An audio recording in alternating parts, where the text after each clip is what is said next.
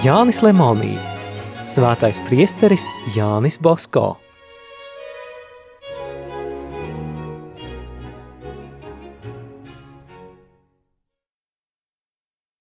Tūkstoš 846. gadā nomira pāvests Gregors 16.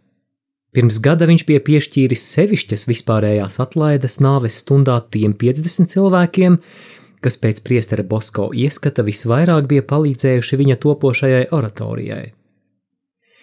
Jānis Bosko aicināja savus bērnus par viņu lūgties un kopīgi lūgt svētā gara gaismu visiem kardināliem, lai drīzāk ievēlētu jaunu pāvestu.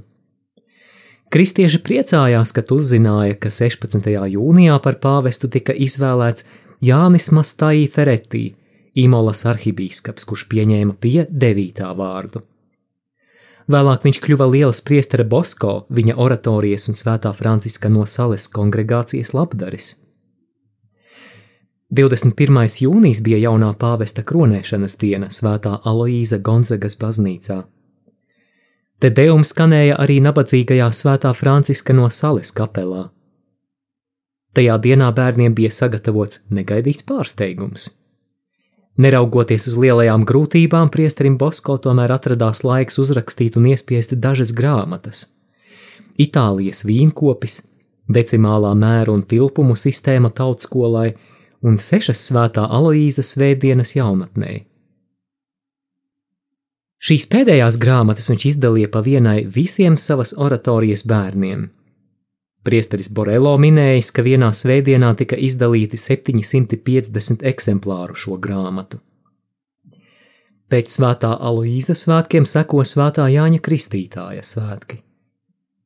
Bosko bija kristīts svētā apustuļa Jāņa vārdā, bet tā kā Turīnā visi bija pieraduši svinēt Jāņa Kristītāja svētkus, tad bērni sāka priesteri Bosko apsveikt 24. jūnijā Kaut gan bērnu skaits pieauga, priesteris Bosko nepārtrauca citus agrāk iesāktos darbus.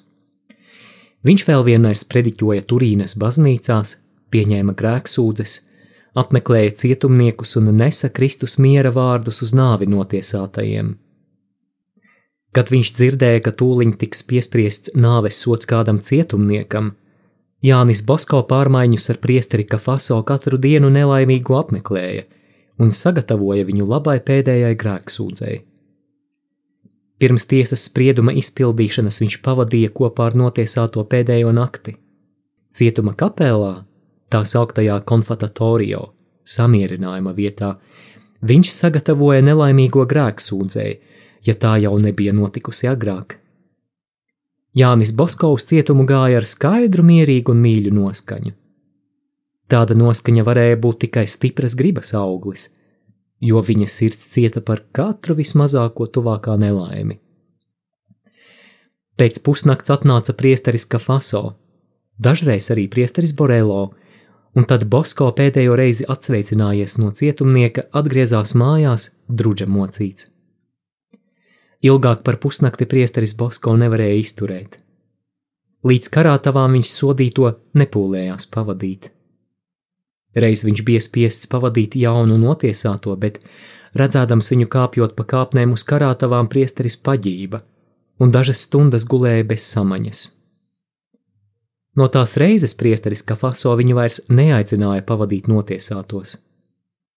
Tomēr noklausīties cietumnieku un notiesāto grēksūdzes viņš gāja vairāk nekā desmit reižu gadā. Ja jau priesteris Bosko tik daudz spēja strādāt un ciest, Viņš bija ļoti spēcīgs cilvēks. Tomēr arī tāda cilvēka spēkam ir savas robežas. Kādu svētdienu, visu dienu nomocījies oratorijā, viņš atgriezās patversmē pusdzīvs. Iegājis istabā viņš tikko spēja noģērbties. Viņš bija saslimis ar plaušu karsoni. Septītajā dienā bija pavisam maz cerību. Slimnieks pēdējo reizi izsūdzēja grēkus, un priesteris Borelo pasauca dažus lielākos oratorijas zēnus piedalīties, kad tiks sniegts slimnieku sakraments. Turot sveces rokā, jaunieši raudāja un saraudināja arī klātesošos. Priesteris Bosko bija mierīgs. Viņš gaidīja dieva gribas piepildīšanos. Pie viņa gultas stāvēja māte un brālis Jāzeps, Vakarā slimniekam kļuva vēl sliktāk. Priesteris Borelo sniedzis viņam pastaro svaidīšanu, neizturēja un sāka balsī raudāt.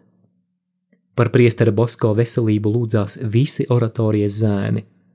Marķīzes Barolo patversmes bārenītes un slimnieces, kā arī citos pilsētas institūtos, skolās. Kad zēni uzzināja, ka priesteris Bosko ļoti slims, tie cits pēc cita drūzmējās pie Rifugio patversmes, jautādami, vai viņa veselība neuzlabojas. Lielākie lūgtiņi lūdza, lai ļauj tiem slimnieku kopt. Ārsts bija ieteicis svešas personas neielaist. Neredzējuši savu labdari, zēni atgriezās mājās raudādami. Ārsti vēlāk pasacīja pēdējo spriedumu - nav glābjams. Bet zēni zināja, ka tas, kas vienmēr var visu, arī uzklausīs viņu lūgšanas. Svētās jaunavas noskumušo iepriecinātājas baznīcā Viņi no rīta līdz vakaram mainīdamies lūdzās par savu mīļo tēvu un labdari. Kam vien bija kāds cents, tas pirka sveces un novietoja tās visvētākās jaunavas attēla priekšā. Citi vakarā atgriezušies mājās, raudādami aicināja arī savus mājiniekus lūgties. Daudzi izdarīja lielus solījumus, apņēmās gandarīt, lūdzās par priesteri Bosko arī naktīs, Bērnu lūgšanas dievs nevarēja neuzklausīt. Sesdienas vakarā pie slimnieka gultas sapulcējās ārsti, lai apspriestos. Visi vienprātīgi liecināja, ka Jānis Bosko vairs nesagaidīs rītu, bet viņš bija mierīgs un jokoja. Naktī pie slimnieka gultas sēdēja priesteris Borelo. No sāpēm viņa sirds tikko izturēja. Viņš lūdzās visu nakti. Rītam augstot viņam ienāca prātā doma - uzaicināt pašu slimnieku lūgt no dieva veselību. Viņš to mudināja tā darīt, bet Bosko klusēja. Drusku pagaidījis priesteris Borelo atkal viņam atkārtoja: Tu zini, ko saka svētie raksti? In to infirmitate, pra dominum et ipse curabite. Savā nevarībā lūdz visu varenā palīdzību, un viņš tevi izdziedinās. Priesteris Bosko atteica: Labāk ļausim, lai notiek dieva griba. Tad saki kaut vai tā: Dievs, ja tev tā patīk, dod man veselību. Priesteris Bosko klusēja. Nesāpini mani, mīļais priesteri Bosko, viņu lūdza priesteris Borelo. Lūdzu tevi mūsu bērnu vārdā.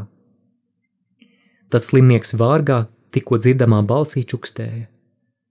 Nu labi, visvarenais.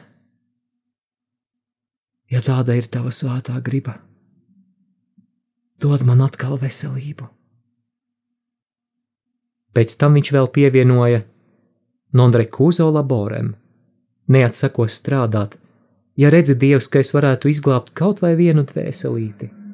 Tavai svētajai mātei lūdzot, dot man tik daudz veselības, cik tā man būtu vajadzīga manas dvēseles pestīšanai.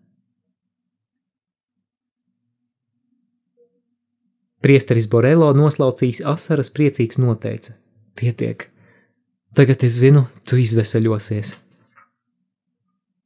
Viņš nekļūdījās. Pēc brīža Jānis Basko iemiga. Pamodies, viņš jau krīzi bija pārvarējis un jutās kā atdzimis. Ārsts Bota un priesteris Kafaso no rīta aizgājuši palūkoties, vai slimnieks vēl dzīvs, atrada to veselāku, pataustīja pulsu un priecīgi iesaucās: Dārgais priesteri, veseļojieties un pateicieties Marijai noskumušo iepriecinātājai, jo ir par ko pateikties.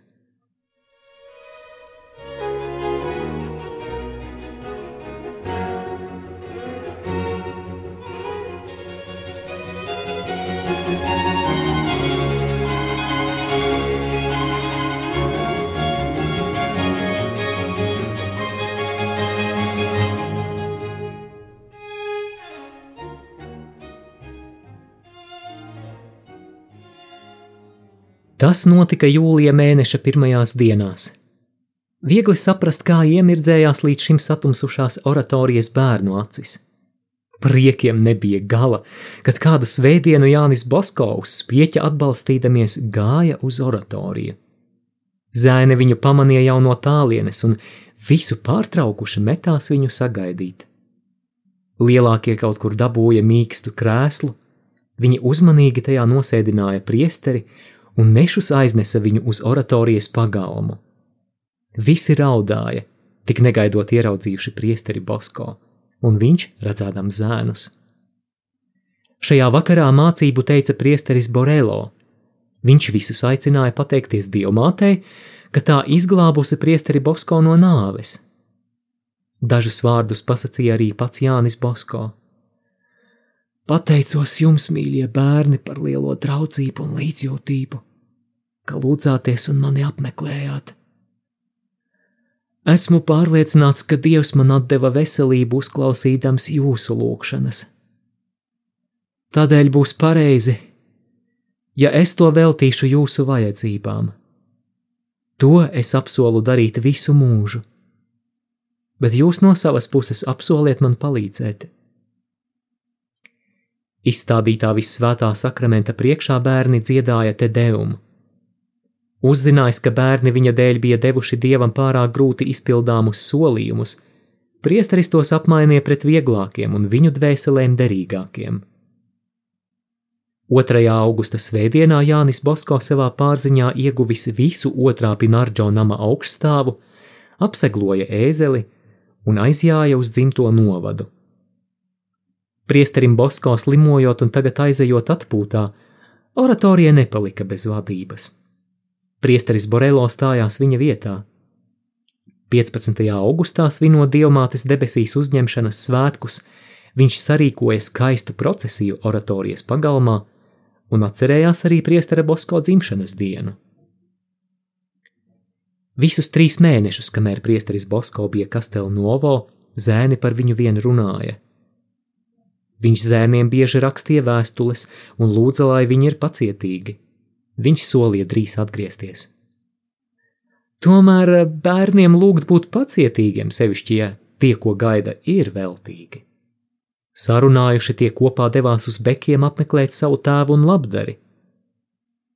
Viņi aiziedami un atgriežamies nogāja vairāk nekā 60 km. Vajadzēja uzmanīt, lai viņi priestera Bosko dēļ tagad nesaplēšas ar kastelu novo bērniem. Bija redzams, ka zēni bez priestera Bosko nerimsies. Turpretī Turīnas arhibīskaps un priesteris Kafaso viņam ieteica atpūsties ilgāk, lai no jauna nesaslimtu. Arhibīskaps viņam pats rakstīja un mudināja palikt bekos ilgāku laiku, jo oratorija esot labās rokās. Tomēr priesteri Bosko kāds neizskaidrojams spēks mudināja atgriezties un atkal strādāt savu bērnu labā. Šo nesalaužamo gribu redzēdami, kā arhibīskaps tā arī priesteris Kafaso atļāva viņam atgriezties, tikai ieteica, lai kādu laiku neko nestrādā, bet tikai uzrauga kārtību. Pēc atgriešanās Turīnā Jānim Bosko bija jāpārkravājas uz Pinardžo namu, bet viņš zināja, cik šajā vietā daudz negodīgu cilvēku. Nevienam tur nenāktu par labu pārcelties. Bet ko lai viņš ņem sev līdzi? Ņem savu māti, viņam ieteica priesteris Cincāno. Bosko šaubījās, jo zināja, cik ļoti žēl būs mātei šķirties no iemīļotajiem kaimiņiem un pārcelties uz dzīvi lielā pilsētā. Tomēr citas izējas nebija. Palūdzies un nogaidījis, viņš sprieda tā: Mana māte ir svēta sieviete. Es drīkstu viņai lūgt tādu upuri. Margarita uzklausījusi dēla priekšlikumu brīdi klusēja un tad teica: Redzi, tēliņa, Tu pats labi saproti, cik man žēl atstāt mājas, tavu brāli, mazbērnus, radus. Bet, ja tu saki, ka tas būs dievam patīkami, esmu gatava kopā ar tevi doties uz Turīnu.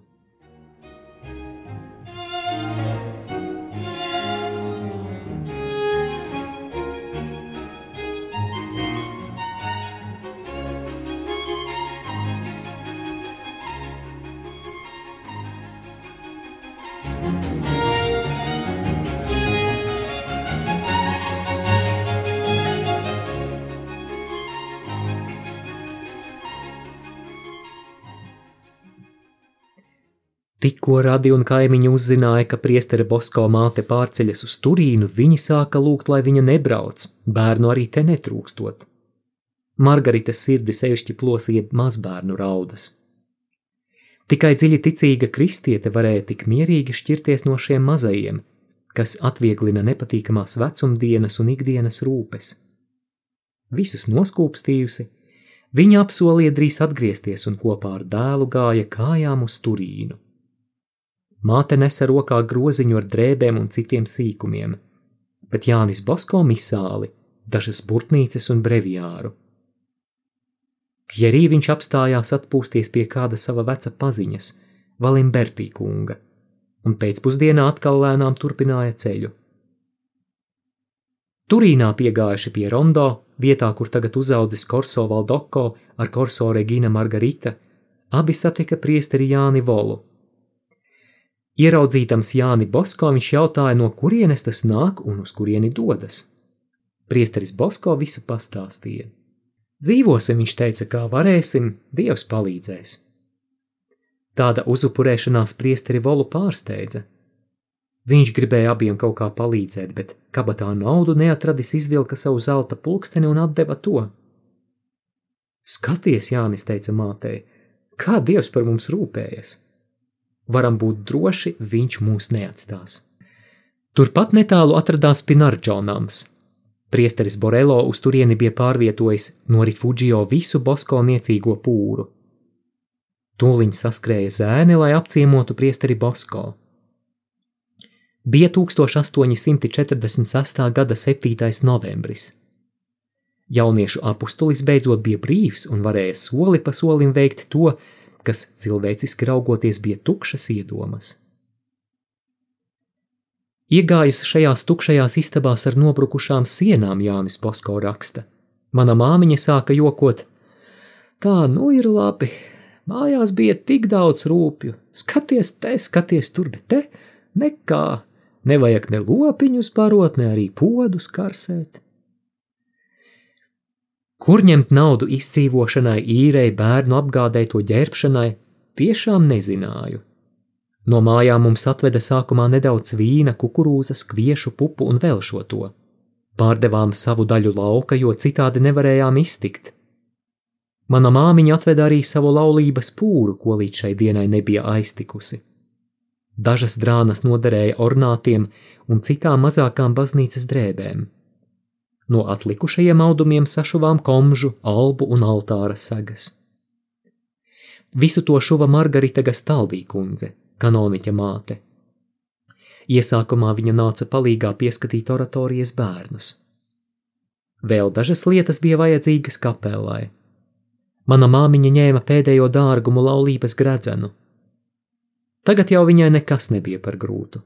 Mājās darbodamās viņa dažreiz arī uzdziedāja – Kas gan posts un kas gan bēdas, ja to nieku nebaidās? Dēlam kļūstot par priesteri, Margarita bija viņam sacījusi: Ja tu par nelaimi paliktu bagāts, tad savā namā mani neredzēsi. Tagad viņas dēls bija tikpat nabadzīgs kā oratorijas bērni. Tādēļ arī viņa atnāca kopā ar dēlu ciest. Mātes un dēla upuri nevarēja būt pilnīgāki.